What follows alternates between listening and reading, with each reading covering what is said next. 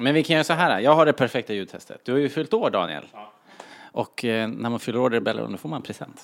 Ja. Så jag har en present till dig. Ja. Det har du. Nej, jag ska vara. Det har du? Men jag tror det här var min present. Har du nära han och gratulerar? Jag har fått ett paket! Sen eftersom jag är småbarnsförälder Du kan... så har jag presenter till de andra barnen också. För Ja. att annars så börjar de gråta. Ja, jag, vet, jag känner igen det. Får jag också? Alltså Robert är ju Och typ... jag får också en. För det var fyra. Spelar vi in det här? eller? Ja, vi spelar in det här. Vad har jag fått? Jag har fått en... eh, Hör ni vad det prasslar? Jag har fått ett, ett platt paket. Det är inte en kattunge. Nej. Nej, det är inte katt. Ja, dra igång den här jävla jingeln.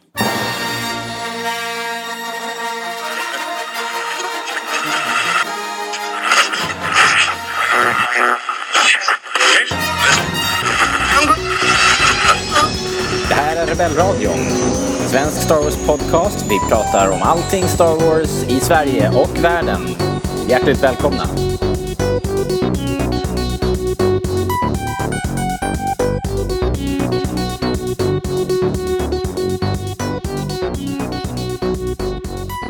Välkommen till Rebellradion. Det här är programmet för september. Vi eh, träffas en gång i månaden pratar Star Wars. Och vi som gör Rebellradion, det är jag, Robert. Och idag har vi full panel. Eh, Vi har Daniel här, Ja. Kristoffer Hej. och Natalie. Hej! Hej! Eh, how's everybody doing? Jo, vars. Ja, det rullar. Det är snorigt. Ja, Kristoffer, är du förkyld? Ja. Höstförkylning? Ja, ja. Du får gå ändå. Yes. Eh, jag kommer nysa under den här podden så Okej. det, det är bara ett faktum. Så därför kan ni plocka fram vodkan eller annan ful sprit och eh, påbörja The Kristoffer Nysning Drinking Game som det här avsnittet heter mellan raderna. Ja. Det blir roligt. Eh, Och när ni hör den här nysningen, Jag kan inte nysa på kommando. nej okej, nej, tänkte bara när ni hör det en här, provomgång. ja, men när ni hör det här ljudet, ta en sup. Ja, precis. Nej, När ska ju hör, verkligen mana till alkohol. Ja. När ni hör det här ljudet, Don't do that again. då vet ni att det är dags att dricka upp. Då börjar vi. all right hörni. Ni som är födda på 80-talet, ni vet vad jag pratar om. Och 90-talet. Mm, ja. Idag så ska vi prata lite grann om eh, lite spel, Battlefront. Eh, vi ska prata om eh, Uprising. Uprising, Star Wars Uprising, mo- mobilspelet. Lite fanteorier och eh, så har jag varit iväg och träffat Jabba the Hutt. Eh, något otippat eh, i Västerås. Och lite annat som mått och Ja, och gott. lite annat. Ja, allt det och lite annat smått och gott. Eh, Någon lyssnarfråga kanske dyker upp också om vi har tid till slutet. Har vi fått samma? Eh, på direkt uppmaning så har jag skrämt några fans, eller lyssnare snarare. Så att, eh, ja, faktiskt. Eh, men hörni, ja, alltså det är september, det börjar dra ihop sig. Det är mindre än 100 dagar kvar till Rogue One. OMG. Värt att notera. Det är ju det är snart, snart dags. Jättesnart. Och det börjar varva upp eh, propagandamaskiner. Det kommer nya leksaker nu, de gör en rätt stor deal av. Är det något ni funderar på? Toys? Jag funderar, har vi en Force Friday i år?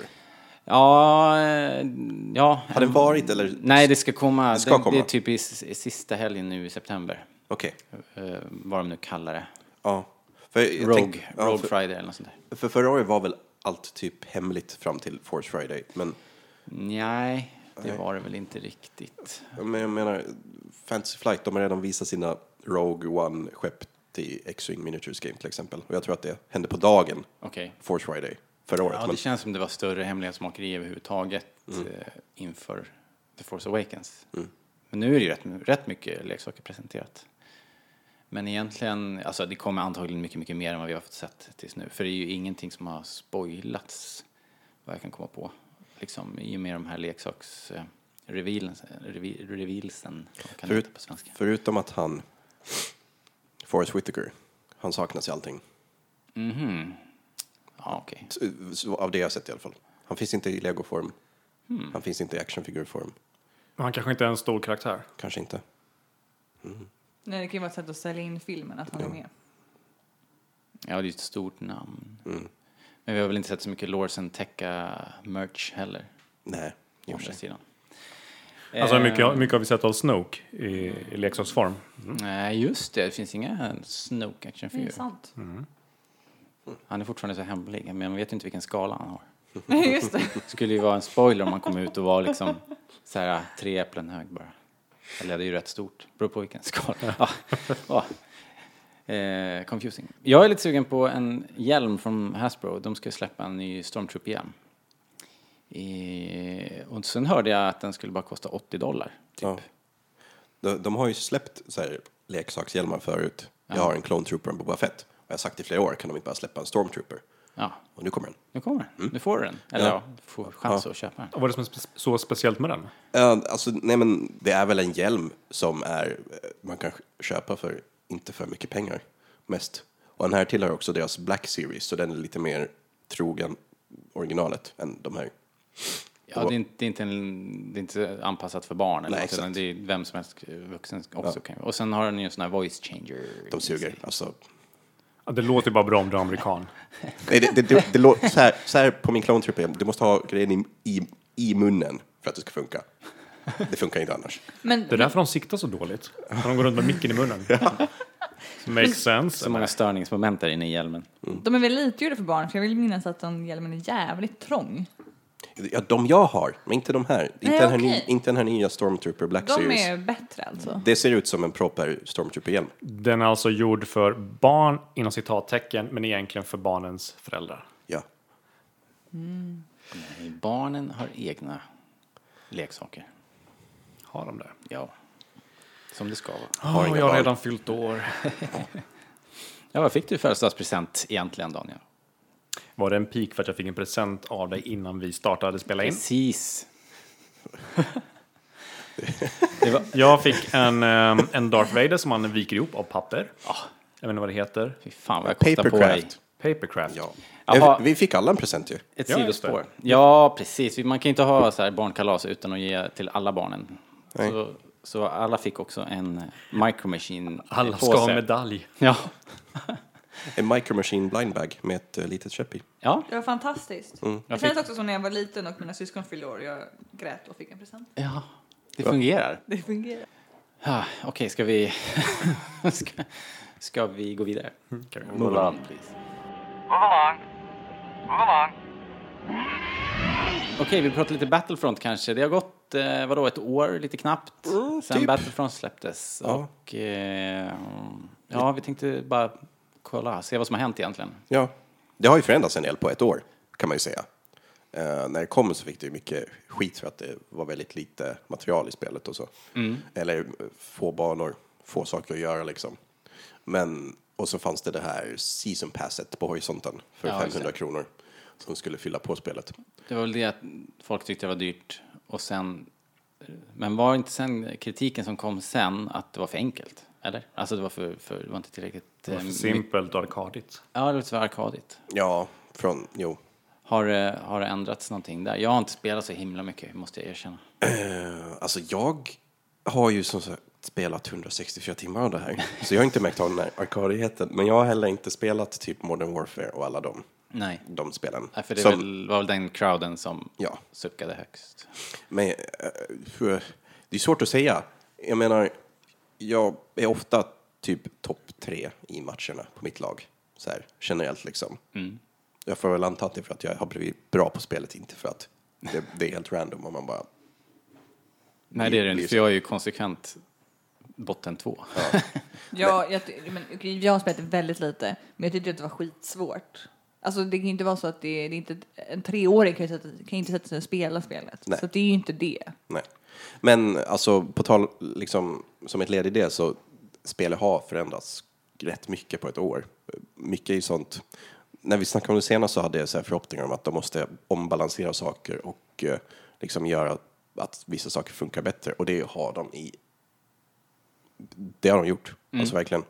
Uh, huvudexemplet är väl en patch som kom i samband med Bespin DLC i somras. Ja. Där de ombalanserar rätt mycket och liksom förändrade hur spelet funkar. Okej. Rätt totalt. Är det alltså hur kraftfulla granater och vapen och så här? Ja, men liksom, och sen bara hur spelet spelas. Det, man kunde ha en partner förut, Ja. men de gjorde det här partnersystemet mycket mer centralt i och med den patchen och på så sätt så eh, du kan spåna på din partner, eh, Ja. att du paras ihop med en partner mycket konsekvent. Förut kunde man gå flera matcher utan att få en partner. Ja, det var, det verkade lite buggigt. Man var ett tag kopplad med någon och sen så släppte det där, man fattade inte varför och ja, det verkade inte riktigt vara funkade. ändå. Nej, När jag spelade Nej, som mest exakt. funkade det inte så bra. Nej, det var, det var verkligen så. Och sen har de också lagt till så här, eh, bara en orsak att hålla ihop med sin partner. Typ man får snabbare cooldowns på sina egenskaper och sånt där. Ah, okej. Och det liksom förändrar verkligen. I alla fall när jag spelade så jag märkte en markant skillnad. Det blev, det blev roligare. Det är bra, man får inte lika mycket Rambo-effekt. Nej, exakt. Att, att alla springer omkring Det- åt alla håll. Liksom. Det uppmanar teamplay, det har lagts till så funktioner att man kan märka vissa mål. Typ nu fokuserar jag på det här. det Just finns det. ofta två man kan gå på och så vet ingen vart man går. Men nu kan man märka ut det och sånt. Men annars så i mars kommer ju också första av DLC eh, av Season Pass eh, i form av Outer Rim. Med lite nya banor och sånt. Ja. Och då hade ju ändå gått ett halvår sedan spelet kom. Och då kändes ju kanske inte 500 kronor lika mycket. Alltså jag förstår om man, Nej, om, om man vid release bara, ja här är spelet, och kan du betala 500 spänn till nu direkt. nej men precis. Men när spelet ändå har funnits ute i ett halvår så känns det ju lite mer lockande med. Ja, Mm. precis. De hade kunnat vänta med den informationen bara, Mm. så hade inte folk blivit lika gråhåriga och ilska kanske. Nej, det var konstigt. Eh, men jag spelar väldigt mycket. Du då? Men är det rimlig prissättning, tycker du liksom? Alltså det beror på vem man är. Jag som sagt spelar 164 timmar. Jag har fått valuta för pengarna. I och för sig så fick jag också Season Pass i födelsedagspresent. Tack mamma. Eh, men Lyssnar hon? Hej, Kanske. hej, Hej. Jag hälsar. Hej Kristoffer Strömmar. eh, jag vet inte. Men det är svårt att säga. Nu är ju spel, grundspelet billigare också. Ja, Så, så det blir ju inte, en, blir tus, det det blir inte en tusenlapp om man köper alltihop nu. Eh, men jag skulle säga att det är värt det. Om man gillar spelet liksom. Mm. Men, ja. Ja, det är ju inte dyrare än något annat eh, spel i den där klassen väl? Kan man inte säga, eller? Liksom. Nej, Ni det som är, håller på och det ska jag spelar. inte säga. Det ska jag inte säga. Jag laddar ju bara ner gratisspel, Mm. i princip. Ja, det är inte alla spel som har season pass. Det är väl enda skillnaden. Mm, nej. Men ofta säger multiplayer-spel brukar ju bygga rätt mycket på att man försöker hålla igång multi, alltså multiplayer-världen genom att släppa content lite frekvent, alltså under året så. Och då brukar season pass vara mer normalt bland multiplayer-spel. Ja. Så det var väl egentligen väntat, så jag vet inte riktigt varför folk är så förvånade, för det, det kommer ju. Nej, det var väl inte en business model som uppfanns med, med Nej, det här nej, nej, spelet? det har ju liksom. funnits ett tag. Ja. All right. Men eh, vad tycker du om de banorna som har släppts? Vad tycker jag? Eh, jag har inte spelat alltså lika mycket som du har gjort. Jag hoppar in ibland och spelar. Eh, men jag tycker själv, alltså det har blivit bättre och det är, det är ju roligare. Det jag tycker är lite jobbigt är att det blir så blir utspritt. För det känns som att med varje pack som kommer eller varje bana som kommer så blir det ny, ett nytt spelläge också. Det är inte så här ofta, eller kommer ju påfyllnad på det som redan finns. Men ofta känns det som att det blir ännu mer spretigare och det blir så svårt att välja. Det blir så här, vad ska vi spela idag? Speciellt om man är ett team. Eh, och då ska man dels bestämma sig vad man, vad man vill ha för alltså, spelläge. Vill man köra typ Assault, Walker Assault eller Team Deathmatch eller vill man köra vad de andra heter nu? Så det blir, det blir så svårt att välja tycker jag, och komma överens om det där. Men annars är det ju kul att det blir så många olika spelsätt för det blir ju varierande. Och då kan man ju, man, tröttnar man på något så kan man hoppa över till nästa grej och spela det. Där har vi ett problem, att spellistorna är separerade för de olika DLCerna. Spelläget som kom till i Bespin finns bara i Bespin-playlistan. Ja, ja, precis. Och vill man spela Team Deathmatch där så är det bara Bespin-kartor. Man kan inte blanda in de andra. Det, det fixar de väl sen när allting är släppt antar jag. Men, ja. Nej men annars fortfarande tycker jag det är, det är väldigt kul. Eh, och det är ju arkadigt och det visste jag från början. Så länge man kommer över den, alltså den tröskeln och känner att man accepterar det. Det är inte som de andra spelen. Så tycker jag det är okej för att det är fortfarande ett bra spel. Jag har kul med det när jag spelar. Att jag inte spelar lika ofta beror mer på att jag har så mycket annat att spela. Att jag, alltså, jag konsumerar så mycket spel så att det, det blir så. Jag, kan, jag fastnar inte så länge på ett spel. Och där har de ju fix också. En kritik i början var ju att all, alla vapen var samma. Mm. Det är de inte längre. Där kommer nya vapen som uppfyller nya roller och så har de ombalanserats också. Så. Ja. Det är fortfarande kul. Ja, Och eh, nästa vecka, när vi spelar in där, den 20, ryktas det om att eh, Death Star Åh, banorna ska komma. det ska bli nice. Det ska bli nice. Eh, där, enligt vad vi har hört, så ska de ta vara på det här rymd...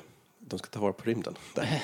Men det ska komma ett nytt ehm, eh, spelläge som heter Battle Station, tror jag. Okej. Som först kommer vara eh, flygfight, vad heter det? Ja, rymdstrid. Rymdstrid ja. heter det. Flygfight. eh, rymdstrid runt en kärnkryssare faktiskt. Ja. Eh, där man ska få ner köldarna på kärnkryssaren. Efter det kommer det vara en inomhusbana Okej. på dödskärnan antagligen. Man ska sno någonting. Och eh, sen kommer det vara en trench run efter det.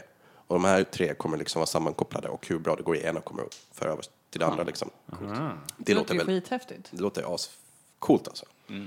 Eh, så ja. Speciellt när, I, I slutet på september. nästa vecka faktiskt. Okej, Enligt ryktet. Finns inget specifikt datum. all right. De har alltid bara så här släppt liksom två dagar före. Här är en trailer, nu kommer det. Med de andra delserierna också. Så. Ja, ja, ni får hålla ögonen öppna på nätet och starwars.se. Ja. Där finns alla nyheter. Och en sista grej. Ja, Jag sa senast vi pratade om det, att det här mystiska fjärde delserien Ja. eh, som var hemligt vad det skulle handla om, att det var Rogue One. ja just det. Och det var det också. Yes. Ja, har de kommit ut med det? Ja. Under Celebration. Jaha. Ja. Va- Var du där eller Nej, jag såg på den och jag glömde säga det i förra podden eh, när vi pratade om Celebration. Att jag skulle ha varit så himla sur om jag hade gått på den panelen. För det var ingenting nytt där. Nej. Förutom det. Det var bara så här, Och det hade du redan gissat? ja. Ja, ja okej. Eh, det var inte så jäkla eh, svårt att tippa kanske eftersom det utspelades under samma tidsperiod så modellerna finns ju redan liksom. Det är väl Ja. bara lite nya skins. Men bryter de inte riktigt mot, alltså, mot det de lovar från början, att den bara ska hålla sig till originaltrilogin? För när folk ville ha någonting från de andra filmerna. Eh, Tidsmässigt är det ju tätt inpå. Fast det, ja, men det är ingen originaltrilogi. Nej, men Jakku var ju det första som släpptes till spelet. Det är ett år efter Endor. Mm, ja, det är för sig sant. Så det är The Galactic Civil War. Det lär väl handla om modellerna. De Man- ljög man- positivt. Nej, jag, jag, jag, nej, jag tror de menar Galactic Civil War snarare än originaltrilogin. De menade inte Clone Wars. Ja, okej, okej. Det var Ja, det de okej. ville ha sagt. All right, okej.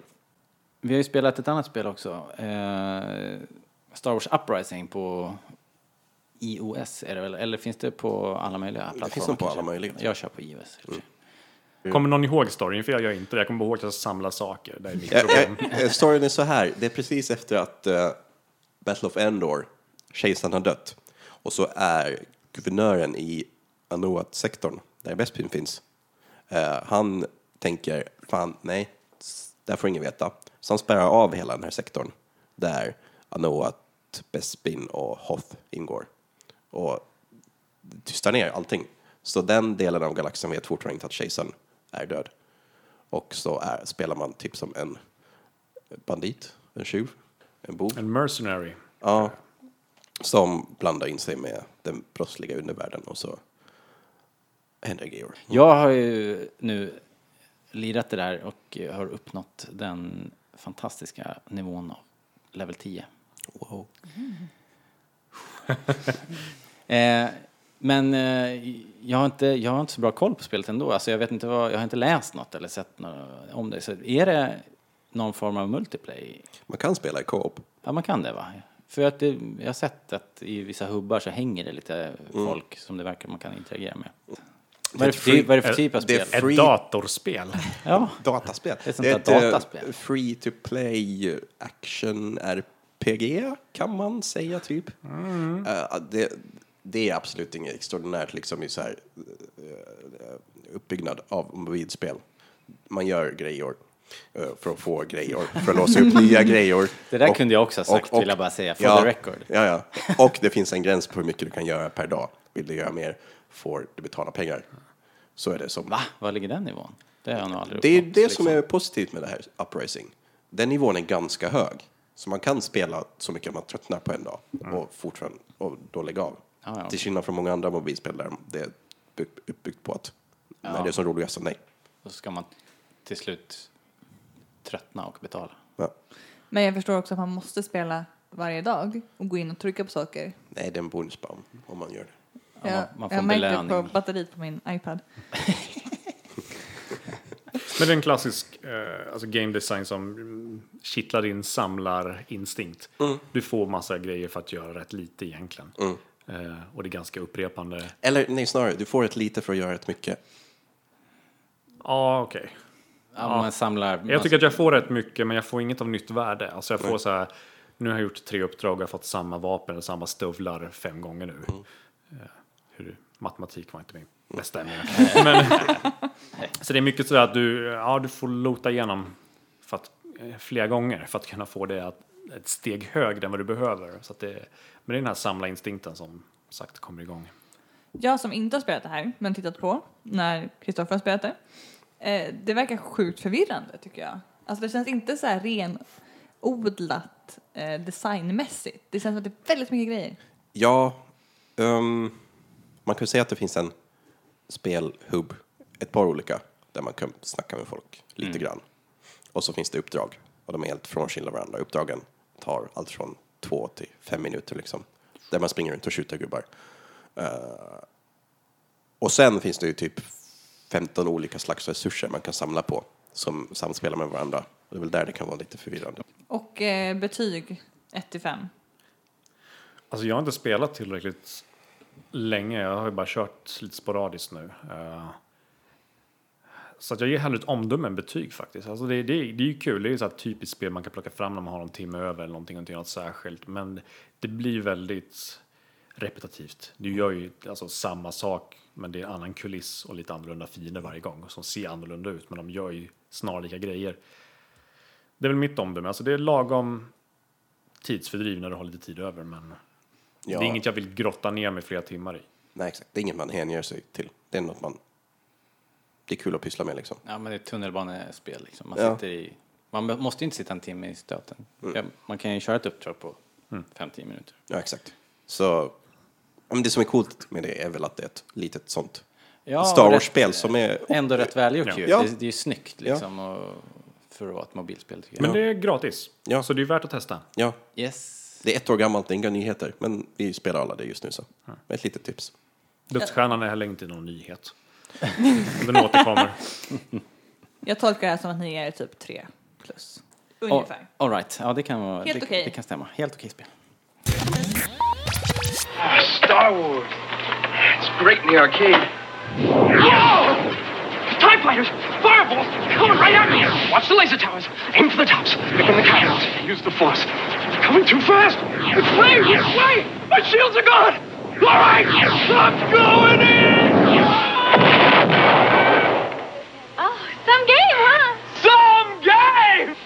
In a galaxy of video games, there is only one Star Wars, the arcade game.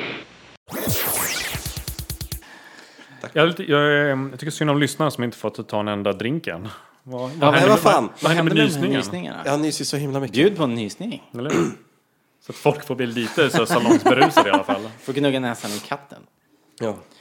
Eh, all right, hörni, vi går vidare. Vi tar, eh, vi tar vårt favoritsegment, Fan Theories. A certain point of view? No.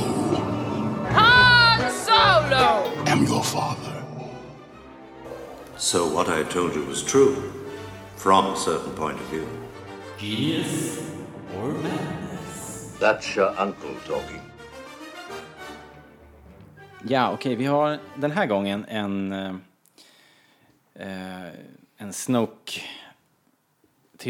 Eh, det vimlar ju av dem liksom. Vi det, borde döpa det här till Vem är Snoke den här gången? Ja, nästan så faktiskt. Den här dök upp eh, på vår radar via dorkly.com och eh, ni kan hitta länken på show notes på stars.se om ni vill läsa den i, i sin helhet. Eh, den heter... Vad heter den? Jag har bara skrivit Fett Vad den Snoke. heter? Den hänvisar till en Reddit-tråd som, eh, som heter Supreme Leader Snoke is Boba Fett. No seriously, warning. Long read, probably spoilers for upcoming Star Wars movie. Det är någon som verkligen tror på sin teori för att han varnar redan för spoilers där. Ja, just det.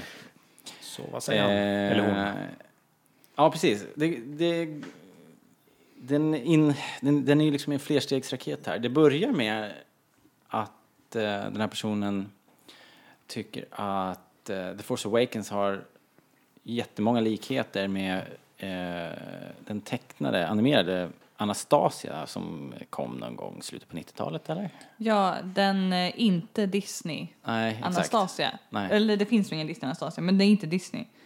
Eh, jag måste bara säga att jag älskar den här filmen. Jag har sett den hundra gånger kanske. Ja. Då är du Eh. expert på den nu. Ja, och det, side note, jag fick bara läsa två stycken fackböcker om den ryska tsarfamiljen och sen skriva en uppsats om det. Ehm, jag kan återkomma till det en annan gång. Alltså det handlar om eh, den Anastasia, alltså, Tsarinnan Anastasia. ja. Eller eh, tsarinnan var... Vad var hon, dotter till- egentligen. Dotter till eh, tsar Nikolaj. Eh, under oktoberrevolutionen i... ja, som Ryssland. då mystiskt ska ha undkommit att bli avrättad tillsammans med de andra i tsarfamiljen. Under, när ryska revolutionen skedde 1917. Yes, okej.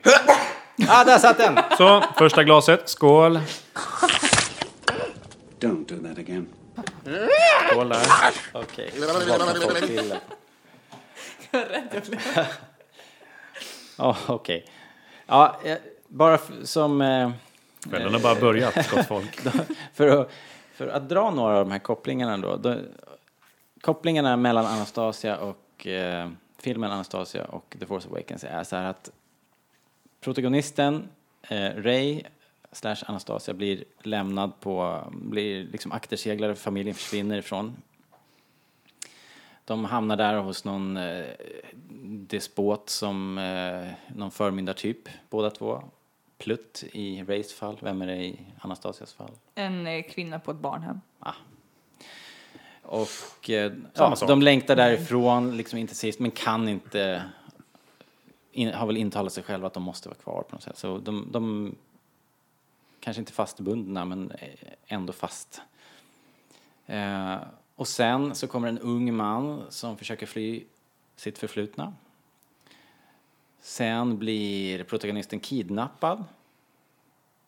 Eh, alltså Ray då och Anastasia. Och den här unge mannen följer efter för att eh, hitta henne. Det är Finn vi pratar om, va? Finn, Vem är det vi pratar om i Anastasia? Den unge mannen. den unge mannen. Nej, det är Dimitri. Vad jobbar han som? Eller vad är hans roll? Är Han, han är egentligen svindlare och försöker hitta en Anastasia-kopia att överlämna till gammeltsarinnan som överlevde och bor i Paris. Eh, Och vill få en stor fet belöning. Ah, Eh, Så han, är inte hittar den här tjejen som är otäckt lik Anastasia. Okej. Bom, bom, bom. Jag ville se om det fanns någon likhet mellan Finn och honom. Ja, Om han, typ, var- om, om han var en stormtrooper som försökte fly. Om han var, ja precis. En, Nej, en, men däremot så är han uppväxt på tsarpalatset och var där och hjälpte dem fly.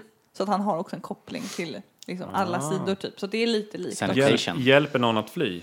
Där har vi en till. Just det. Jag Korrekt. pratar om Poe ifall ingen förstår. Just det. och eh, i Anastasia så upptäcker flickan krafter som hon inte visste att hon hade. Till skurkens eh, förvåning. Det låter ju också bekant med, med eh, The Force Awakens. Eh, Undrar om folk till gnällde lika mycket på forumet på det här att Anastasia hade krafter utan att ha tränat.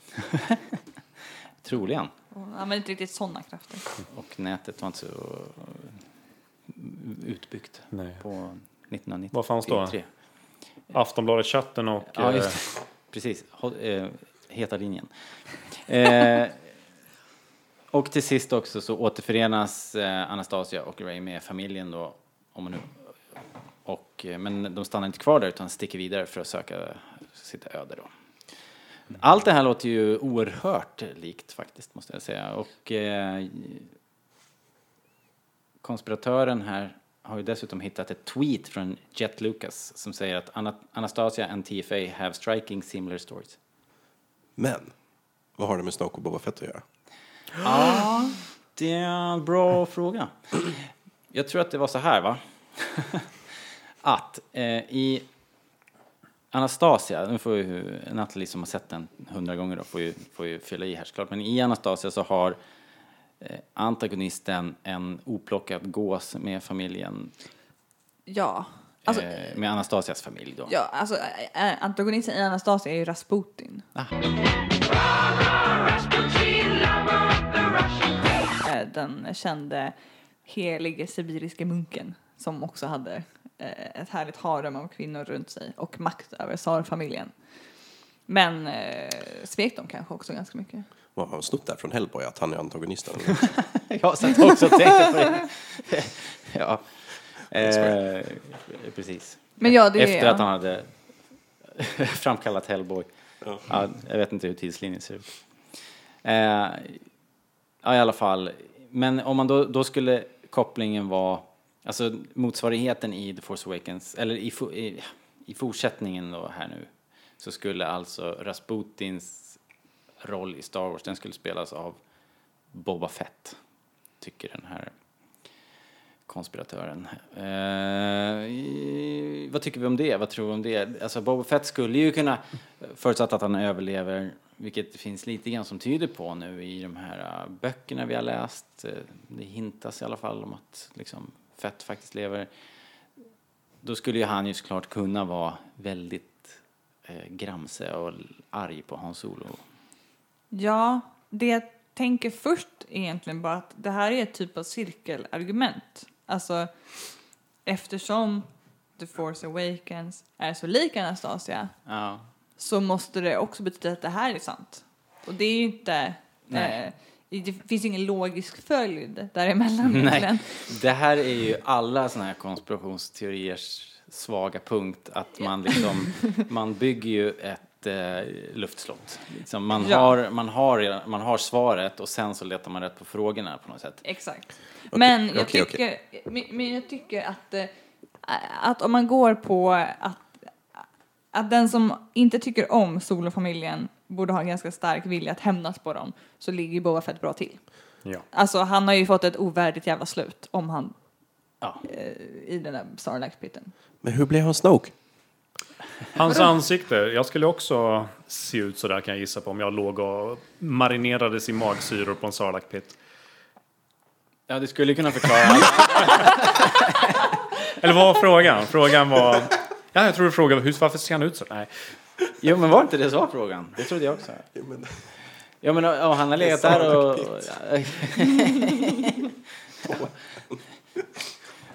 Åh. Vi förklarar i alla fall utseendet, varför han ser ut som en eh, halvjäst bröd, typ. Ja, precis. Ja, det, det, Alltså, det, det är det, väl- är inte det som är konstigt. Det är väl jag. inte det som är ett problem i det här.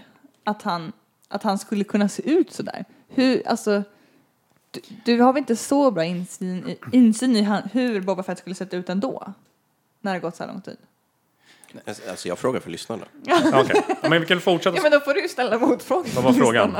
Va, va, vad är det som pekar på att det är Boba Fett som är Snoke? Det, ehm, dels hur han ser ut.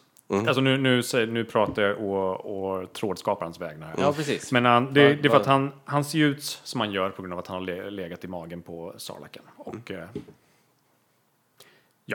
i magsyra.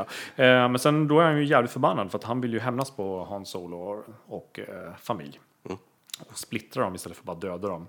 Men det finns det annat som pekar på, på det här tycker trådskaparen. Bland annat att eh, tydligen är inte är han ju ingen force wielder, eller vad heter det? Force user. Vilket Boba Fett inte heller var. Och det nämns ju att First Order ska ju bring back, vad var det, the greatest power. Han snackar ju inte någonting om att han skulle... De pratar inte om imperiet. Nej, precis om Imperiet. Och så kan vi tänka, vad var det som var en stor, mäktig eh, kraft förut? Och då kan man dra paralleller till The Mandalores. Som var väldigt eh, mäktiga och krigisk. Mm. Att han vill återupprätta Stor-Mandalore. Precis. Ja. ja, Sen finns det lite sådana här paralleller med typ Knights of Ren till exempel. Som att det skulle vara någon form av liknelse till Mandalorian. Mandalorian Fast, eller ja, Mandalorian. otroligt långsökt just den Det här är biten. lite, Ja, ja, lite för mycket. Den punkten baserar sig på felaktiga fakta. Det, att, att man skulle kunna säga Mandalorian och därav Knights of Ren för att man aldrig hört Mandalorian sägas i kanon, vilket inte stämmer. Det är en otroligt lång eh, puck det här. Alltså, Ja. Jag tycker att det är jätteintressant hela den här Anastasia-biten. Men här är ju såna otroliga gap i teorin. Ja, lite till och från. Men det finns ju lite andra poänger tycker jag. Den här med att eh, kanske då Snoke slash Boba Fett skulle vara så arg på solfamiljen att han skulle kunna kidnappa deras dotter då ju. Ta doften från familjen, bla bla bla. Det är Ray. Eh, för att det finns ju vissa bitar av filmen som är lite oförklarliga. Till exempel då varför, att, varför Leia kramar Ray istället för Chewbacca Ja, när han solo precis har, eh, spoiler alert, gått bort. det är nog okej att säga här i det här forumet. Nej, för det är ju märkligt, för de känner ju inte varandra. Men om det då var så att hon skulle haft en dotter som är lika gammal som Ray, som har blivit kidnappad, då kanske det väcker någonting hos henne när hon tänker på Han Solo, är en teori han har. Och också varför då Kylo Ren skulle velat lämna sin familj så gärna, för att han kanske känner att de inte kunde hjälpa hans då i den här teorin syster och inte kunde rädda henne och därför gick han till den mörka sidan för att hitta någon slags kraft att göra någonting. Och det tycker jag säger ganska, det är ganska bra grund liksom i den här teorin. Han har ju en teori också här att eh, det var faktiskt Fasma som skulle kidnappa Ray. Men att hon eh, fick väl ett samvetskval och ångrar sig och droppar av. För vi vet ju inte vem som droppar av Ray på Jakku. Vi utgår ju alltid från att det är för att skydda henne känns det. Som att folk har diskuterat att det är föräldrarna eller Luke eller någon som lämnat henne. Men tänk om det faktiskt var så att hon blev kidnappad men blev dumpad. Därför att för att, han ång- för att Fasma ångrar sig då som det pekar på här i hans teori att det skulle vara Fasma som gjorde det här. Men det låter ju lite som en annan saga, nämligen Snövit. Vi- Precis, vad jag tänkte också va?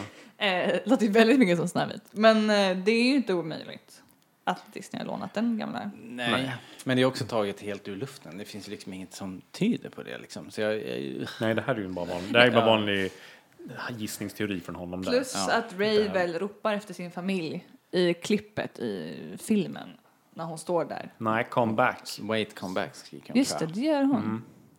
Ja, men då måste det vara någon hon vill ska komma tillbaka, inte en Nej, eller kidnappare. kanske, de kanske bondade på skeppet och sen... Stockholmssyndrom. Precis, det kan det också vara. Inte för att försvara teorin. Eh, men i alla fall. Nej, men så, han, för om vi ska fortsätta på flera grejer här så, så pekar trådskaparen på uh, The story group has said that Snoke is not human but he's humanoid. Vilket kan tolkas också, okej visst han är väl någon form av alien, det är väl därför han CGI. Men uh, vad trådskaparen pekar på att det är klart han är inte är människa, han är ju faktiskt en klon. Ja, jag vet inte vad ni säger. Han är en klon, Robert. Han är en klon. Han känner till Millennium Falcon. Han känner till väldigt mycket uttaget om Hans Solo ganska specifikt. Ja, men det är ju inte så konstigt tycker jag, om jag nu får vara, om jag får vara sån. Alltså, vad jag har förstått av det lilla, lilla vi vet om Snoke så är ju att han, han är i en offentlig figur. Han är politiker och har haft att göra med, med Leia i sin politiska kapacitet. Då är det inte helt omöjligt att han känner till detaljer om Leia. Hennes familj, vem hon är gift med, vilket skepp som Hans Solo som är numera någon sorts eh, racerförare liksom. Men vet du vad din, din alltså värsta nemesis eller fiende, vad du nu vill kalla den personen, har för bil? Det är ju du. Ja, jag vet precis Ja, vad du har jag? Jag har ingen bil, det var en kuggfråga. Damn, damn it! Ja, nej men jag, jag menar bara att det inte är orimligt att eh, en offentlig person som Leia, att folk vet saker om henne och hennes familj. Men, men om han då är en offentlig person som varit i kontakt med Leia, borde man inte veta mer om honom? Alltså egentligen. Jo, men vi, som, det är ju vi som tittare som inte vet saker och ting. Mm. In universe så är han ju inte en hemlig person så. Nej. Men jag tycker att ändå Även vore... om han har två sidor kanske. Han kanske har liksom som Palpatine som hade en, jo. en offentlig sida och en eh, inte riktigt lika offentlig sida. Jag tycker ändå att det vore, alltså om jag får drömma lite om det här vore sant, alltså om det faktiskt är Boba Fett som är Snoke så vore det ju sjukt ballt. Alltså jag skulle älska det så mycket. Skulle du det? Jag håller med. Jo, verkligen. Jag håller med. Jag tror inte på att den här teorin stämmer, men jag hade tyckt att den var jäkligt häftig. Som fan. Man hade eh, knutit ihop det ganska bra. Men det är också så här, det här är ju, det här är ju typ i, i filmen, kontexten. Men om man tänker utanför, om man är lite cynisk och tänker vad skulle världen vinna på att dra, bort, dra tillbaka Boba Fett? Så är ju Boba Fett faktiskt en väldigt populär karaktär. Så det skulle vara coolt om man faktiskt fick tillbaka honom och gör honom till en ganska stor, kraftfull motståndare. Lite fanservice. Precis. Det är det som, i min mening, är det starkaste argumentet för den här teorin. Att Boba Fett är den näst populäraste karaktären efter Darth Vader. Av ondingarna typ. Och vi har inte sett någonting av honom. Totalt Alls. bortslarvad. Ja. Ja, alltså de har inte gjort något med honom, nej. Alltså han har ju varit med i en, i en serietidning som utspelar sig eh, runt ny- episod 4 Ja. typ. Eh, annars har det varit helt tyst. Så att det, det kan jag också tycka att det är väl den största meriten som den här teorin har. Att det på något sätt eh, Boba Fett är inblandad här. Men för mig känns det inte som att det ligger i Boba Fetts karaktär helt enkelt att bli den här stora kejsarfiguren. Han är ju, ett, han är ju ett, en ytterst våldsam eh, enforcer liksom. Han är inte en politiker. Så att det, där, det där är skär sig för mig. Men, Men han är gammal också. Ja, det har gått lång visst, tid. visst. Men, eh, ja. Ja. Och jag bara får så här hobbyanalysera en grej. Det jag tycker den här teorin, som jag sa förut, är bra om är ju är de här bitarna som jag inte riktigt förstår, som Kylo Ren. Varför skulle han bli så ond? Alltså, han har haft en trygg uppväxt, uppenbarligen. Alltså, så här, han har haft det gött. Man kan ju förstå varför Anakin går till sidan. Han har det ju inte trevligt. Alltså, han har en jobbig tid i livet. Han, eh, det händer jobbiga saker. Han är ute och krigar asmycket. V- Vet du hur han fick reda på att Darth Vader är hans farfar? Han fick reda på det på ett ganska osmidigt sätt. Kan du säga det nu? Nej, det är en spoiler för en bok. Nej, men grejen är att det, ja, hela det där arvet efter Ja. Vader är Så här va, tungt. hela galaxen fick reda på det innan han fick reda på det.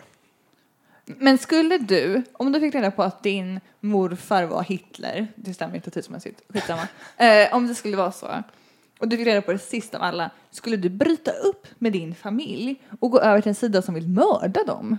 Nej, men där är Star Nej men det är ju Wars och- sinnessjukt. Folk Ja, men beter sig alltså, inte sånt riktigt. här, Okej, sånt, men varför folk, skulle... Det händer ju, folk är inte kloka liksom. Nej fast jag menar bara att jag tänker att eh, man har ändå lagt ner mycket tid på att förklara så här, varför Anakin går över till den mörka sidan. Också ännu mer i Clone Wars verkligen lägga vikt på att så här, förklara så här kan det gå med en människa som konsekvent utsätts, utsätts liksom för jobbiga saker och eh, manipuleras bla bla bla. Det är väldigt mycket tid som har lagts ner på att förklara det. Varför skulle man då låta den här personen bara Ja, han fick reda på det och sen var det lite jobbigt och Nej, sen blev han- men så är det inte. Han är ju, han är ju, dels så saknar han ju en fadersfigur. Det, han, han uttrycker ju tydligt att Hans Solo har gjort honom besviken. Han har inte varit, Hans Solo har ju antagligen varit ute och eh, kört rymdskepp med Chewbacca, liksom inte varit närvarande. Medan, eh, eh, vad heter det, Ben fick någon sorts, gå på någon privatskola någonstans. Med, med Luke. Och misslyckas Ja, det med vi Luke, vet liksom. är att de taggade runt i galaxen på tu man hand, liksom, de två. Ja, så att eh, det kanske inte var så himla tryggt och lattjo och han kanske saknade sin familj. Men då borde han ju ha fått en fadersfigur i Luke. Å Men- andra sidan. Han, Men han sen vart han, inte- han sen vart han ju var så- manipulerad av eh, Snoke också. Det är det som är, det, det säger väl Leia i filmen också, att det var Snoke hela tiden. Ja. Snoke satte liksom klorna i honom tidigt. Jo, jag förstår det. Men jag tänker bara att det krävs ändå ganska mycket. För att en sån manipulation... Som... Don't do that again. Bottom up. En sån typ av manipulering funkar ju inte om man är en eh, frisk, eh, klarsynt person. Alltså så.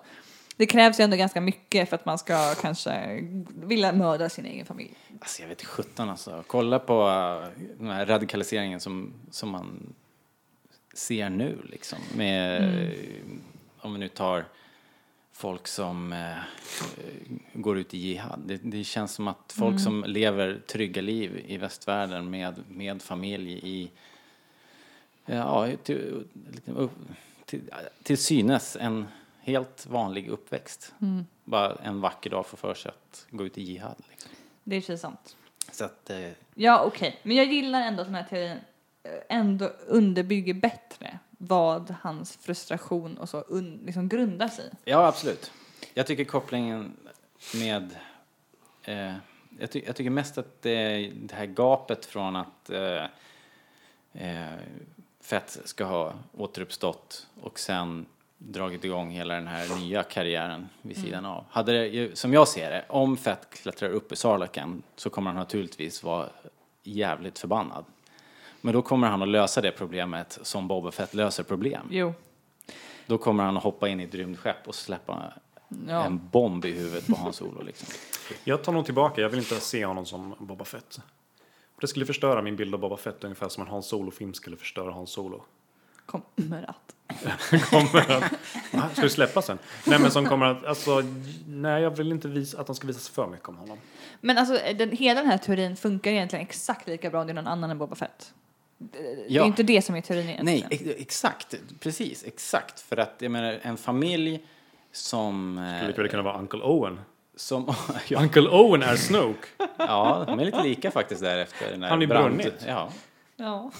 Nej. Nej, men jag tänker att senaten måste ju vara full av mäktiga människor som hatar Det kan ju Leia. vara vem som helst. Ja, så att det finns ju gott om fiender att välja på. Men jag hoppas att det finns någon koppling så att det inte bara är eh, sen att Snoke eh, är någon som kommer från Outer Rim och har bott eh, under en sten. Ja, men Och sen kommer fram.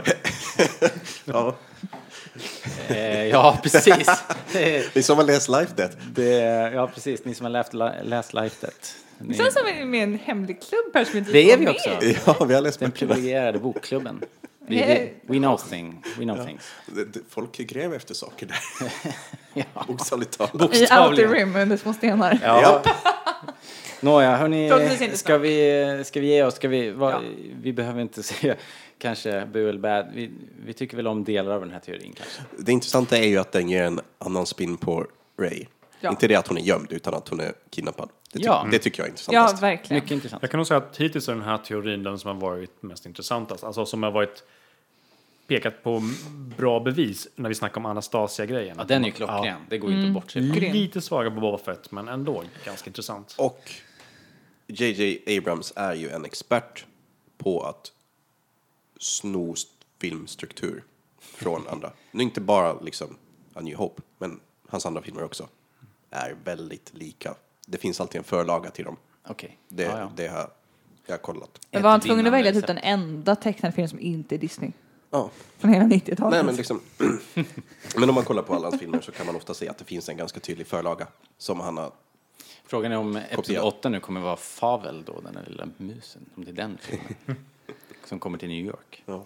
Men ni kan väl se Anastasia själva och eh, jämföra? Ja, För det är jag jag som ändå har sett den, jag gissar att ni inte någon av er har sett den låter som. Men den är bra. Jag har sett den för länge sedan, men jag kommer inte ihåg så mycket. Vi kan låna din deluxe-box. Eh, jag ska köpa den först bara. Försök inte, den står ju här. Eh, all right hörni, vi går vidare till, eh, till nästa grej här helt enkelt.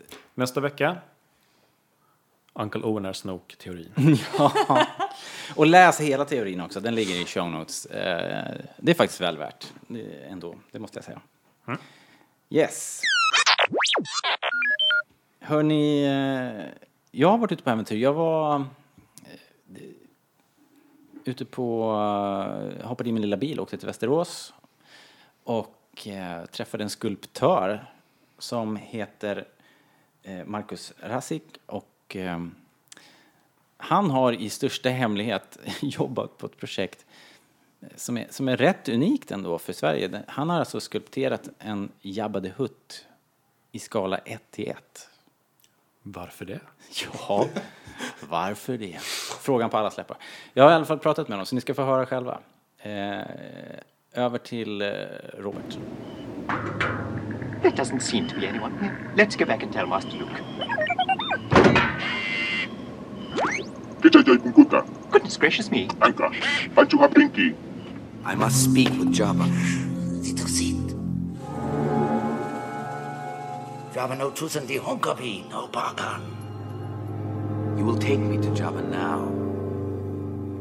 Jaha, nu har jag förflyttat mig. Nu är jag i en bit utanför Västerås i, eh, ja, Västerås med omnejd. Och eh, befinner mig i en lada med ingen mindre än Jabba the Hutt. Eh, en fantastisk skulptur. Och jag är här med skulptören själv. Du får börja med att presentera dig tror jag.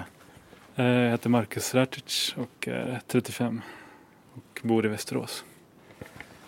Och eh, av, någon, av någon anledning så har du fått för dig att skulptera en life-size Jabba the Hutt här i ladan. Varför? Kan, kan du berätta vad, hur det kommer sig att det här projektet eh, bli, har blivit av? Eh, Det är för en kamrat till mig som har eh, firma Stan Replicas som har bett mig skulptera den här åt honom då. Som Nej, det ska bli en del av hans eh, eh, samling då. Som han har. En privat samling eller är det någonting han säljer eller hyr ut? Eller hur, vad är Och- tanken? Ja, både ställer ut och hyr ut och, och liksom olika event och sånt. Mm, Dels är det väl en privat samling också men, men det tillhör ju hans firma. Okej, så alla kommer få se den här på, på mässor framöver då, i tanken? Precis, nu närmast blir det nog eh, Comic Con och eh, eh, Sci-Fi-mässan i Stockholm. Häftigt. Ja, den är, den är ju massiv. Eh, om vi ska beskriva den här. Den är ju, ja, den är ju skala 1 till 1 och större än man kanske anar faktiskt. Precis, den är några procent större än, än eh, själva originalet tror vi. Eh, för att vi har liksom jämfört med skådisars längd på bilder från filmen då. Men eh, vi har fått trixa hit och dit men vi har kommit överens om den här storleken för att vi tyckte det liksom ser bra ut. Det ska kännas rätt liksom också. Ja, precis. Hur kommer det sig att du fick det här jobbet? Vad, vad har du för egenskaper som gör dig lämpad till att ta dig an ett sånt här projekt liksom? Eh, det började med att jag sålde min fullskaliga Alien-figur eh, till, till Robert. Då. Och eh, på den vägen är det så har jag fått göra lite grejer åt han efter det. Då. Och eh, jag är utbildad attributmakare och dekorationsmålare. Så det är väl min utbildning som, som jag har som gör att jag kan skulptera. Just det, okej så du gör sånt här till vardags egentligen? Inte just Jabba the Hutt, men andra grejer du bygger och skulpterar och bygger utställningar och sånt kan jag tänka mig då eller? Precis, till museum och reklamfilmer och diverse ja, teatrar och sånt. Både bygger rekvisita och gör kulisser och sånt. Vad, jag skulle fråga dig faktiskt, vad har du för relation till Star Wars i största allmänhet? Är du ett fan eller? Jag är inte ett hardcore fan så. Alltså jag gillar mest fantasy men, eh, men jag är liksom uppvuxen med mm, ja, de gamla filmerna och stort inspirationskälla liksom.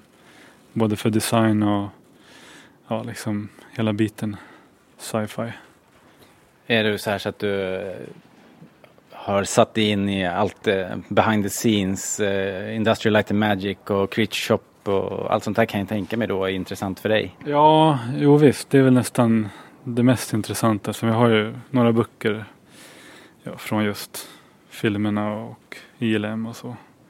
Så det är absolut stor inspirationskälla. Ja, jag förstår det. Vad, om man gör en sån här grej då? Han är ju, vad sa vi, två meter hög och kanske sju meter lång. Ja, fyra tror jag att den har blivit med svansen. Okej, jag överdriver. Men du, det är ju, det är ju, den är gjord i någon sorts frigolit eller skumplast, frigolit. Ja, det stämmer bra. Eh, Vi har beställt eh, specials, eh, alltså producerade block som kommer i två gånger en och en halv meter tror jag. Så limmar man ihop dem och skulpterar precis som man skulpterar ut marmorblock när man skulpterar skulpturer i, I sten? ja, i sten. Ja. okej. Så det är frigolit som är basen och sen har vi med ett gipsbruk och skulpterat i det. Och sen slutligen har vi lack, lackat allting med trälim för att göra en, ge det en plast. Lite beständigare Ja. liksom. Ja. Som att det stoppar fingrarna igenom Precis. Jabbas mage här. Den, den tål lite men inte en spark till exempel.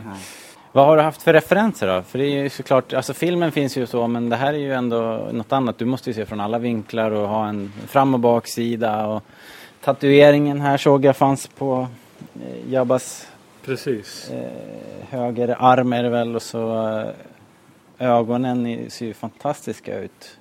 Jag har fått, eh, ja, det är som sagt Robert Stan som har eh, gett mig ganska bra förlagor. Pausade bilder från filmen som är utprintade och även ja, från nätet och böcker. Och så har jag utgått ifrån en skulptur som han har. En liten, eh, vad kan det vara? Skala 1 till 6 kanske. Ja okej. Som man har sett lite grann. Eh, för svårt att få bilder hur baksidan ser ut. Ja men precis. Sen har man väl fått tagit eh, Dels har vi gjort eh, baksidan av huvudet lite mindre för att den ska kunna få plats i, i transporten också. Okej. Så den ska egentligen eh, Han har ju en, en ful Som en säck. flärp, liksom. Ja, ja. Precis. Okej, den har ni ja så den har man Det är lite så här små offringar som har fått Ja. gjort. Ja. Det blir, Härligt. Och det som står på här nu, den här ska flyttas idag. Och sen så är det um, showtime. Precis, det är, ehm, nu kan jag inte datumet men i december är det i alla fall eh, eh, sci-fi-mässan. sci-fi-mässan. Och Och innan dess, innan. ja. Ja. Så förhoppningsvis kommer den vara på Comic Con också. Och kommer du vara på plats och skaka hand och... Ja, om jag kan så ska jag försöka vara det. Absolut. Okej, ja, men då håller vi utkik efter dig där. Vad kul att jag fick titta förbi. Ja, vad kul att du ville. Tackar, tack.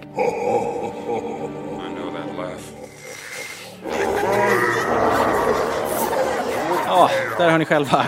Eh, Marcus Rasik och eh, Robert som han pratade om där, det var inte jag. Det var inte jag som hade köpt hans eh, Alien, utan det var då Robert Stan som äger Stan Replicas. Som nu också äger den här Jabba the Hutt-skulpturen. Men vad sa du, fyra gånger två? Ja. Hur Jättestor. fraktar man en sån? Alltså det var intressant för på slutet där så, eh, efter intervjun var klar, så kom eh, Robert Stan med en lastbil och skulle vi lasta in Jabba the Hutt. Mm. Så jag stannade kvar och tänkte jag kan ju hjälpa till och, och bära Jabba the Hutt tänkte jag. Inte så ofta, jag tänkte det här är en once in a lifetime opportunity.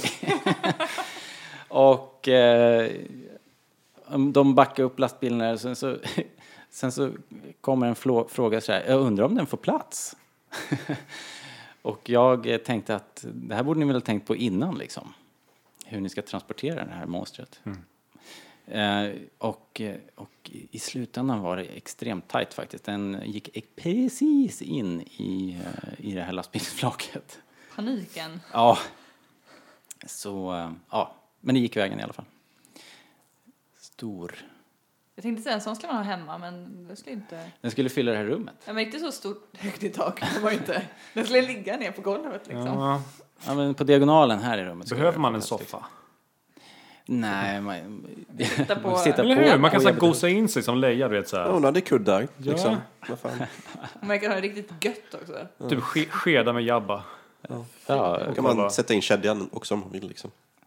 Eller efter preferens. Hur beställer man en sån här? Jävla mys. Ja, alltså det, det är nog bara att ringa till Marcus så, och så fixar han det. Du får köpa frigoliten. En Jabba Hutt, tack. Ja. alla kommer i alla fall ha chansen att se den här eh, som, som han sa på Mästarna här i, i höst. Och eh, om ni kollar på, om ni går till starwars.se nu så kan ni se en artikel där också med lite mer bilder. Det ligger någon bild redan på, jag tog en selfie med Jabba the Hutt som ligger på våran eh, Instagram. Men mer bilder på, på bloggen. Det är kul med såna här fandrivna projekt tycker jag. Man ser inte det så mycket i Sverige överhuvudtaget. Men den här snubben var inte ett fan.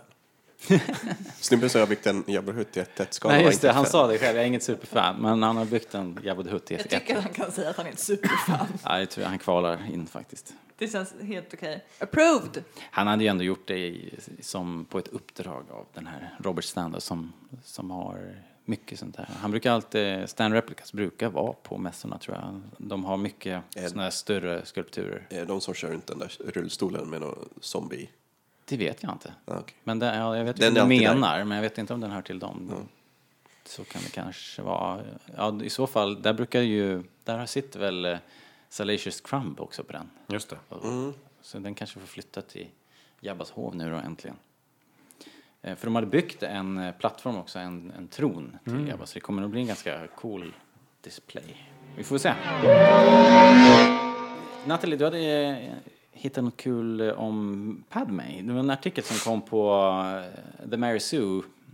Det handlar lite grann om Padme före och efter, före och efter episod 3 typ. Eh, ja, precis. Det är ju en artikel då som eh, i stort handlar om hur Clone Wars har byggt upp Padme eh, som en relativt vettig och liksom feministisk karaktär.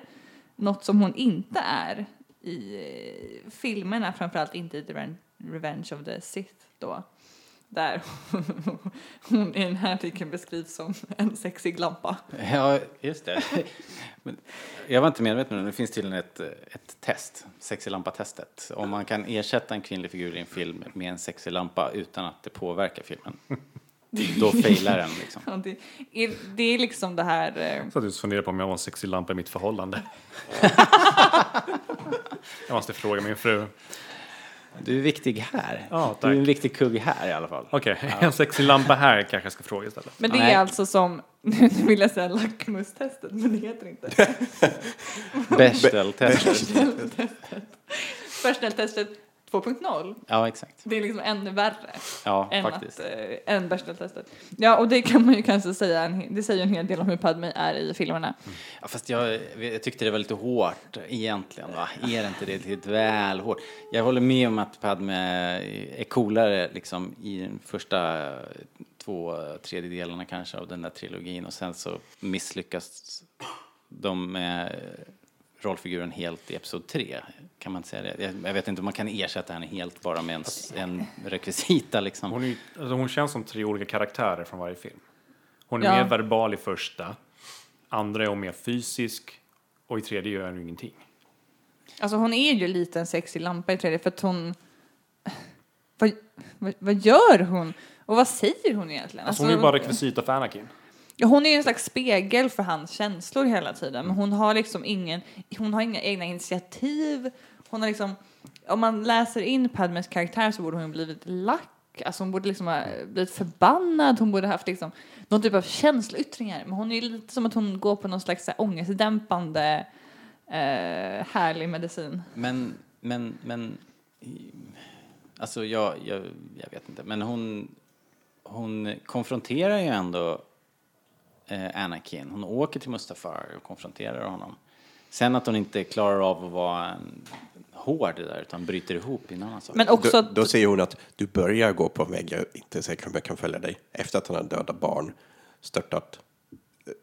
Ja, men vet hon om Ja, och allt att, det där? hon säger ju att det är mänskligt att bli arg. Väl? När Ja. han bara, jag har dödat barn. Hon bara, det är mänskligt. Episod två. Men, Ja, med, med Tuskens, ja just det. Nej men alltså visst att hon kanske sen äh, ä- agerar lite där men sen så går hon ju och dör av ett brustet hjärta. Eh, eller? Men eh, det är liksom det sjukaste, allt det här är så sjukt. Ja, Men det, ja, det är inte bra. oavsett, det Clone Wars gör är att de liksom låter henne lite som de gör med Anakin också, vara den karaktären borde ha varit Mm. i filmerna. Som liksom ges utrymme att faktiskt agera och vara, hon är ju liksom en cool eh, politiker på ett helt annat sätt och liksom har eh, ganska mycket push och hon tar ingen skit heller. Eh, hon är liksom, hon står upp mot Anakin och säger emot när han säger såhär, nej men gud du får inte göra så här. Då säger hon du får inte säga vad jag ska göra. Då tänker jag definitivt göra det. Liksom. Hon är mycket så feisty och jag tycker att det Clone Wars gör bra är att det introduceras en jäkla massa bra kvinnliga karaktärer. Ja, liksom på verkligen. löpande band. Ja, verkligen. Det är ju liksom inte bara Padme, det är ju Ahsoka, det är Satine, Barrys, eh, Luminara, Shakti, Night Sisters, Asajj Ventress.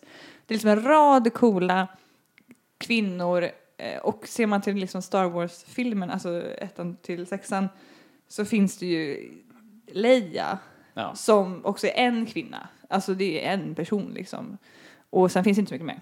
Så det är ju en jäkla feminist-boost hela Clone Wars egentligen tycker jag. Ja, Mon verkligen. Mothma också är med. Men hon gör ju inte så mycket väsen av sig. Nej. Jag, jag kollar på en sammanställning av det här. Totalt eh, kvinnliga repliker i originalfilmerna som inte är från Leia uppgår till en minut, två sekunder. Eh, 36 av de sekunderna är Mon Mothma. I, i, I Empire Strikes Back så är det hon som skjuter den stora kanonen. Ja, Stand by fire control. Just det. Fire. Det är allt i den filmen. Hon har, ju- hon har, karaktären har ju ett namn, jag har glömt vad hon heter. Eh, Torin Far, tror jag. Torin Far. Det säger en del också, Yeah. kan inte... Nej. Inte memorable. Nej, men då, då är man ju verkligen ute och, och fiskar liksom. Hon är med i den här boken som jag har här i handen precis nu. Som heter... Som av en händelse. Tales of the Bounty Hunters. Den, den stod bara här. Det var ju Ja. fantastiskt. Eh, nej, men det är det är ett jäkligt sorgligt facit om man bara kollar på de här siffrorna. Så att hela det här som, och det nämns i artikeln väl, att ehm, Kathleen Kennedy sa i början av eh, ja, hela den här nya eran med Disney så sa hon att, eh, att eh, things are going to change. Det kommer bli en ny, det kommer komma, komma flera kvinnliga karaktärer, det kommer bli en förändring, det kommer bli more, more diverse. Det har vi sett också, men det hade ju egentligen Ja. redan börjat då. Ja, Ja, Clone, det hade ju inletts redan i Clone Wars. Eh, rätt rejält. Clone Wars ska ha cred för mycket. Ja, och vi har ju pratat om Asoka Tano förut, eh, vill jag minnas. Eh, för jag gillar henne asmycket och inte bara för att hon fixar typ hela Anakin-historien rätt rejält. Utan för att hon är en jäkligt badass karaktär som ges mycket utrymme att också få vara det. Och eh, det Leia gör i de tidiga filmerna är att hon får vara både cool och tuff och känslosam och sårbar och liksom hon får vara en komplex karaktär. Eh, inte så mycket man kan säga om Padme där, men i Clone Wars så finns det mycket mer sådana bitar hos alla kvinnliga karaktärer. Och lite så här, do we still have to debate this shit? Men eh, uppenbarligen måste vi det. Men nu känns det ju mycket bättre och i de här nya filmerna så är det en jäkla massa bra kvinnor som får massa skit för att de råkar ha ett visst kön. Men eh, det känns som att det är på god väg. Att eh, unga tjejer då, som kollar på Star Wars kan hitta någon som faktiskt liksom, kanske kan representera dem. Ja, jag tycker det är coolt att, det här har vi också pratat i podden om förut, att, att det är coolt att Star Wars får vara, får vara med i framkant här, för det är faktiskt så liksom. Och Star Wars är så stort också, så att det kan kanske faktiskt liksom bryta igenom de här väggarna på riktigt. Det kan faktiskt bli förändring. Och eh, jag vet inte om det är det man ser nu, för det, det, det händer ju lite grejer. Det, det görs ju mycket remakes där man gör kanske ibland till och med eh, att det känns lite krystat att man gör en massa remakes, eh, kastar om eh, rollfördelningen rätt upp och ner och sen inte gör något mer med det liksom. Mm. Så att eh, det är väl det får inte vara en token-grej bara, utan det ska ju vara på riktigt om man gör det. Alltså för, man, för att man gör, man gör ju kanske saken en otjänst om det bara blir dåliga filmer liksom. Ja, för, men, men, men däremot om man tänker att viss, viss reaktion på, på Rogue One nu var ju så här, men en kvinna till? Vi har redan haft en kvinnlig huvudroll. Man bara, hur många manliga huvudroller har vi haft? Ja. Det är inte en kvinna till. Det är bara, oj, någon har börjat lyssna. Alltså det är ju bara en karaktär. Om, Som du säger, om man gör det här rätt och fortsätter att tänka på liksom representation eh, på flera plan så kommer inte man till slut reagera för det spelar ingen roll för det kommer bara få finnas karaktärer. Eh, och det känns jävligt fett att Star Wars som är så stort och liksom kraftfullt varumärke kan gå i bräschen för det ändå. Mm.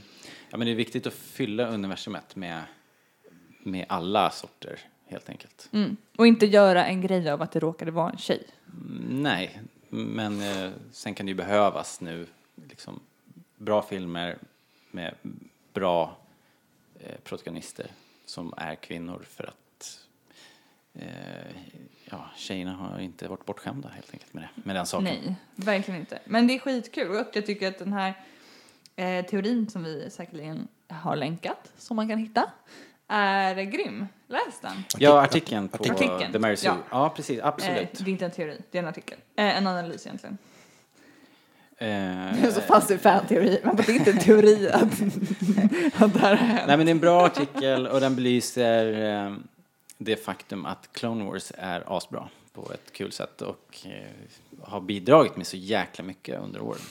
Ja, och eh, har man inte sett det så se det. Det är riktigt jäkla bra. Nu hoppas jag att ni alla har sett det här. Men, De flesta har nog gjort det. Ja. men se det igen. Jepp, det tycker vi. Nej men okej, men då går vi på lyssnarfrågan. då. Lyssnarfråga. Ehm, Okej, in the mailbag. Lyssnarfrågan. Vi har eh, två frågor. En eh, fin här. Hej Rebellradion. Eh, vad samlar ni på? en kort fråga. En eh, inte så komplicerad. Lön. Lön. Eller Star. Wars-relaterat också. Ja, Jag tror att det var så de frågade. Jag tror att de tänkte. Ehm, det är en bra fråga. Jag tror inte jag samlar på något specifikt faktiskt. Jag samlar lite på allt möjligt inom Star Wars. Okej.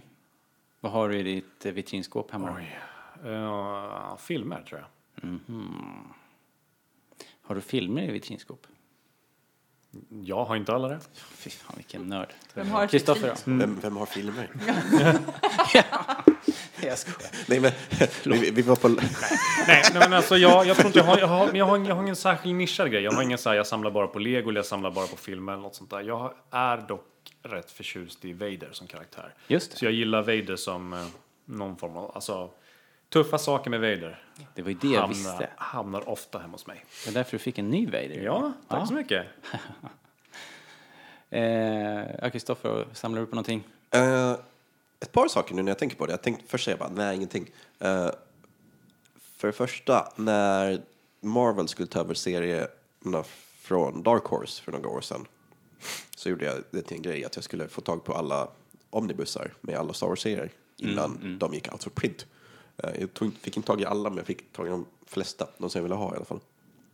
Så det är en liten samling jag har. Eh, nu har ju hälften kommit ut i, re, i reprints. Mycket billigare. Har de? Men, ja. Jag har missat, jag sitter och väntar på dem. Eh, Eller alltså, vissa av serierna, inte allt. Ah, Okej, Liksom. men jag börjar också samla på dem, omnibussarna, men, Men det blev mycket, inte så många. mycket har kommit liksom. Ja, Marvel gör ju sina egna då, så det är annat. Du kan ju inte ställa dem Ah. bredvid De, de Horse. som jag betalar mest pengar för har ju kommit såklart. Rogue, Rogue Squadron eh, som också var de äldsta. Som jag lyckades hitta på GameX tror jag, för något år sedan. Eh, ja, det var en samling. Sen också förra sci-fi-mässan, den i november. Mm. Eh, hela det här avsnittet som en enda lång flashback till det. eh, där köpte jag två stycken Kubik-figurer. Eh, Kubik, det är japanska små samlarfigurer som började någon gång typ 2008. Nej, 3, 2. Någonting sånt. 1-0. Ti- Tidigt 2000-tal. Eh, de finns i en massa olika, de har en massa olika licenser och de produceras fortfarande, dock inte Star Wars. Men jag har gjort det till en grej att samla ihop några sådana.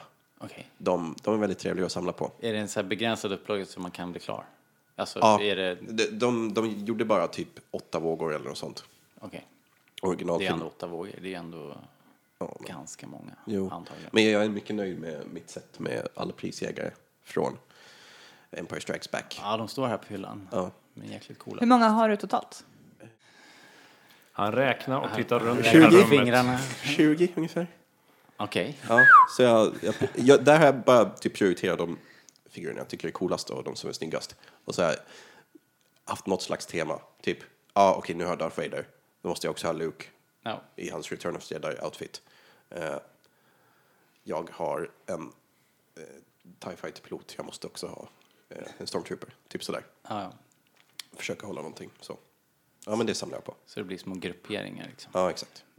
Eh, och så X-Wing Miniatures Game. Fast det är inte samlarsaker. Det är, ju, Det det är, det är miniatyrer, men det, det är på gränsen liksom. Ja, men det, de har ett praktiskt syfte. Spel som, eh, som också kittlar samlar, samlargenen. Ja.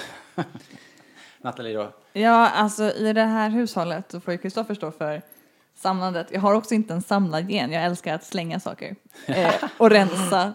Så att eh, det är problematiskt. Men jag, eh, jag har försökt få tag i en så här schysst eh, leja, apropå feministiska ikoner, leja mm, liksom plansch typ. Eh, och nu har jag hittat några på så här olika mm, eh, konstnärshemsidor i stort sett. Eh, så det är pepp på. Problemet med de grejerna är ju också att det är så jävla dyrt om man vill ha riktig konst. Mm. Men jag tänker, är det så dyrt om man hittar någonting på... Om man kontaktar konstnärerna direkt? Liksom? Nej, alltså det finns ju eh, såklart. Men jag är också en snål jävel. Så att om det liksom kostar så här, Det ja, men det kanske kostar, alltså det kanske kostar typ 5, 6, 7, 8, 900. Då blir det liksom så här, mm, det är mat Det i är två inte veckor. dyrt för, för, för en artprint. Men det är också ens. mat i två veckor som man skulle kunna äta. Ja, nej, ja. men, Nej, eh, nej, det är men man- eh, det är inte min ju- eh, grej att samla saker. Jag älskar att slänga skit. Man har ju en begränsad budget liksom. eh, annars tycker jag artwork är eh, en bra grej. Ja, det är ju och kan man det få tag på värdaste. original så är det ju super ultra coolt liksom. Ja, och vi har ju en del Star Wars. Stod och dreglade Work. lite senast Vi har några Star Wars här på väggarna. Vi har några, vi har några Star Wars på vår vägg.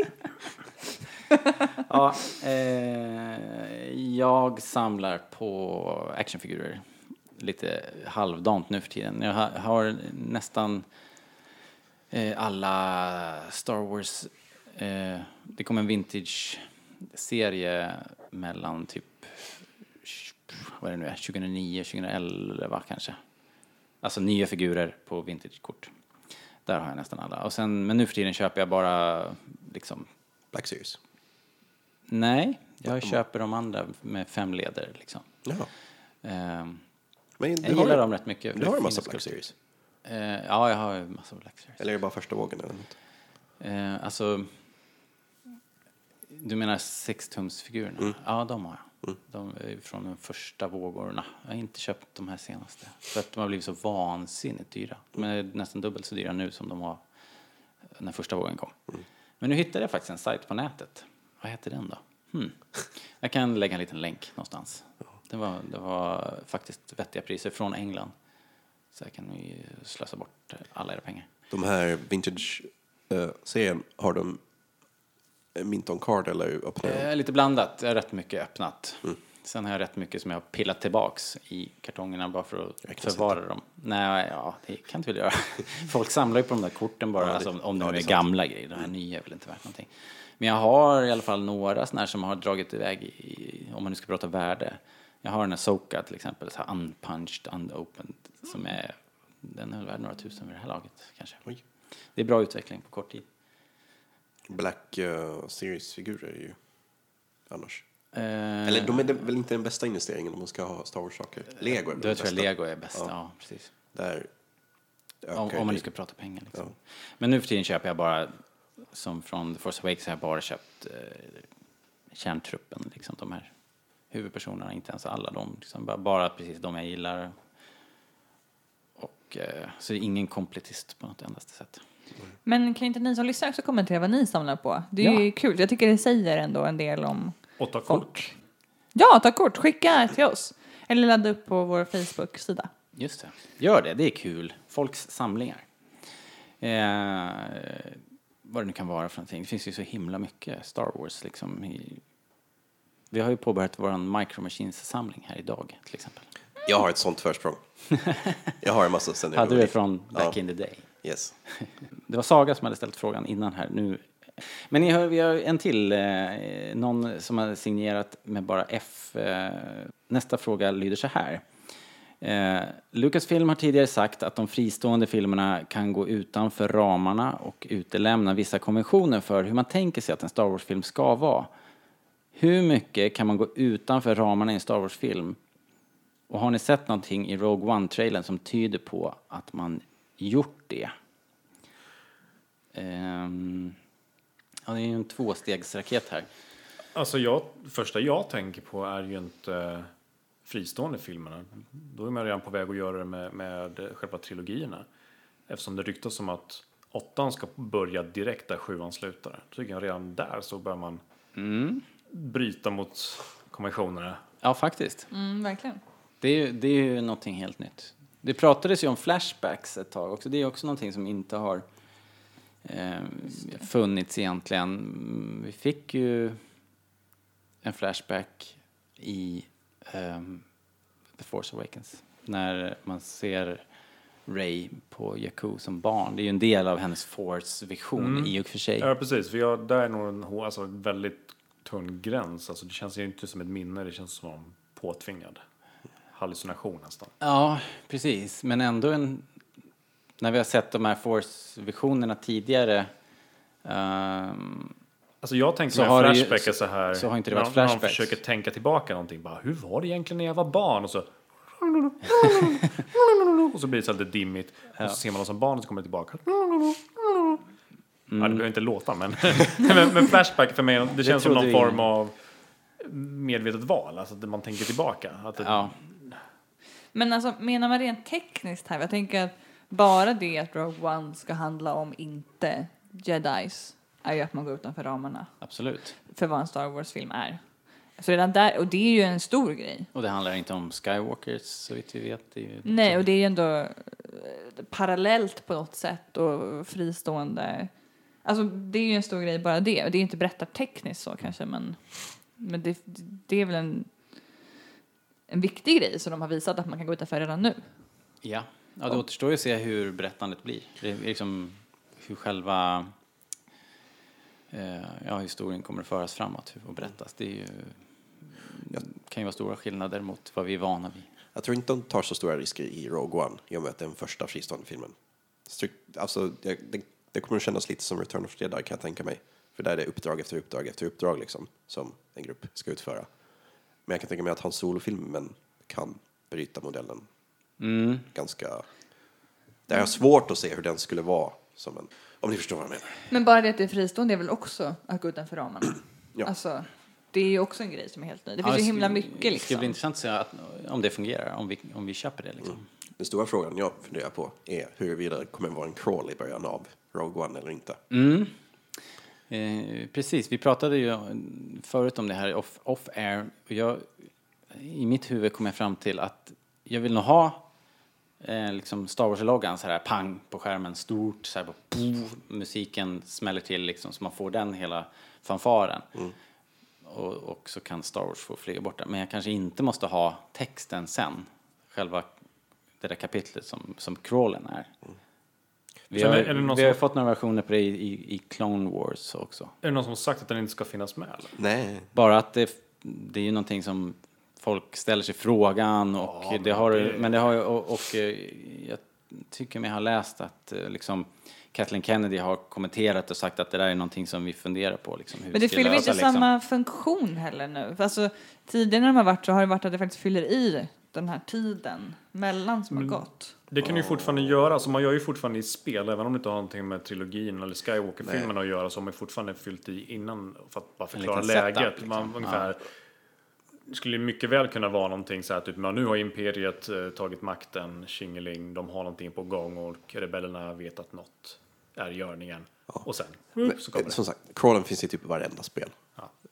Ja. Det finns i Uprising, som vi snackade tidigare. Och det finns i varenda serietidning börjar med en crawl. Bara att Den, Ja, just det. En liten recap. Ja. Det är och egentligen- ehm, ja. böckerna också. Har alltid en liten text i början, ofta. Men jag tänker så här, episod 8 nu då, om den nu ska börja minuten efter, vad ska texten vara då? Episod 8. Oj, oj, oj, Ray har kommit fram. Hur ska det här gå? Men det kanske Previous- blir en recap. Alltså, det Previously ja, on precis. Star Jag tror att det är Wars. snarare är om det, om det ska vara en sån. Vilket är kanske inte nödvändigt då, återigen. Ja, men det är episod 8. Alla episodiska filmer har jag haft crawlen. Eh, ja. Alla, jag har också haft eh, inte lika många kvinnor som pratar. Alltså en, en, Nej, det är en möjlighet skulle ju vara att, att man till exempel ser eh, Kylo Ren kommer fram till Snoke eller något liknande. Och sen när de har snackat ett tag så klipps det iväg till Ray som står Mm. där och sträcker ut handen fortfarande eller någonting. Jag tror inte det nödvändigtvis betyder att bara för att de säger att det tar vid där, att det behöver vara första scenen. Nej, men det har inte förflutit någon tid. Nej, men det kan lika väl vara sån här liten recap som det står så här. Nu har First Strike fått jävligt mycket pisk så att eh, First Strike, jag, First Order. Så nu tar Kylo Ren och åker bort till sin boss för att kolla läget. Vi har, vi har ju hela det här, jag menar hela nya, eller nya republikens huvudsäte sprängdes ju. Och Ja. First Orders hu, eh, stora vapen sprängdes. Ja. Det är ju saker som har hunnit hända. Ja. Så jag menar bara Ja, det finns ju grejer att förklara i och för sig. En Ja. scen någon annanstans som liksom bara ramar in läget i galaxen Yes. just då. Men det jag tänker är lite hur långt utifrån man kan gå är ju om de skulle göra en, en ny film till exempel då som faktiskt är helt fristående, alltså som inte har med Skywalker att göra, inte har med, här, inte har med någonting av den här historien att göra. Som utspelar sig någon helt annanstans i galaxen. Det skulle ju vara ett verkligen banbrytande. Det skulle ju kunna vara en film om Mandalorians då, som jag pratade om förut. Det skulle ju kunna vara en möjlighet. Mm, Och det behöver inte då ta upp Boba Fett eller någon annan karaktär utan liksom helt nytt. Ja. Då är det ju verkligen långt utanför. Men det har jag lite svårt att se. Just nu. Jag har svårt att se att han kommer släppa crawl grejer. Ja. Det, det är för ikoniskt alltså. Folk älskar ju det. Ja, det, det är någonting som... Alltså, I det, det på något sätt episodfilmerna sätter kommer fast. den sitta där, det tror jag också. Jag tror det. det kommer de Men- aldrig släppa. De andra heter ju Star Wars, Episod bla bla bla. He- Heter Rogue One Star Wars Rogue One? Eller heter den Rogue One? Den heter Rogue One, A Star Wars Story. Exakt. Det kan ju inte stå Rogue One i samma font som Star Wars där, riktigt. Jag, jag, jag kan tänka mig att Nej, det... men titeln under, det står ju alltid sen. Först kommer ju Star Wars, och sen kommer ju Empire Strikes Back eller någonting. Och sen kommer texten. Det, är- den är Men jag kan tänka just, just den här eh, grejen från trailern, när man ser titeln och Mm. den bra musiken. Det känns ju som typisk så här titel som kommer efter ett, som i de flesta andra filmerna, att det är ett intro. Och sen kommer titeln. Star Wars är ju väldigt ovanligt James på så sätt. Liksom. Ja. Alltså, ja, eh, ja, precis. Och jag tror också, det har märkts lite på Facebook eh, i, vår, i någon tråd vi har haft här, att förvirringen finns liksom, till och med i fans liksom, som följer Rebellradion och Star Wars.se. Där finns också den här kontinuitetsförvirringen. Spelas, det- när, när, kom, när utspelas den här filmen? Mm. Och det är ju ändå fans, det är ju Star Wars-fans som är där. Menar, så att den stora publiken, det, alltså det känns som att de kommer behöva lägga väldigt mycket energi på att förklara att vart Mm. det här utspelar sig. Och då kanske det är bra att filmen börjar på ett helt annat sätt. Alltså, bara för att, för att den ska sticka ut lite. Om de nu vill göra något nytt så ska de ju göra något nytt. Ja, men jag. precis. Man Då kanske får de ju måste ta spränga ett alla ljudvallar samtidigt liksom och så får de köra. Folk kommer ju gå och se den. Ja, ja. Men kul fråga. Alltså ställ Bra fler fråga. frågor. Mer frågor, alltid kul. Massor. Eh, tack ska ni ha. Jag är ledsen att Ehm, inte nös flera gånger. Nej, vart var, det- det- vart det ett dåligt drinking game det här? Ja. Men... eh, Får bättra dig till nästa gång. Ja, jag hoppas förhoppningsvis är jag inte förkyld av en månad. Nästa gång jag är nog sjuk tror jag. Okej, men då säger vi det. Ja. Ja. Ha, vo- ha vodkan redo nästa gång. Man kan Hörrni- få dricka ändå, man måste inte nysa för någon som får dricka. Tack för att ni lyssnar. Eh, glöm inte att skriva som sagt. Och vi finns det ju då på rebellradion, at starwars.se. Eh, vi finns på iTunes. Passa på och ge oss eh, bra betyg där, ni som använder iTunes. Det hjälper oss att komma upp i listorna och nå ut till flera lyssnare. Gör det nu, inte sen, okej? Vi finns på facebook.com slash rebellradion. Rebellradion.se. Vad är det då? Instagram, typ. Ja. och sen har vi rebellradion på Twitter. Nämn nu starwars.se slash rebellradion. Eh, ja. Ja. Mm.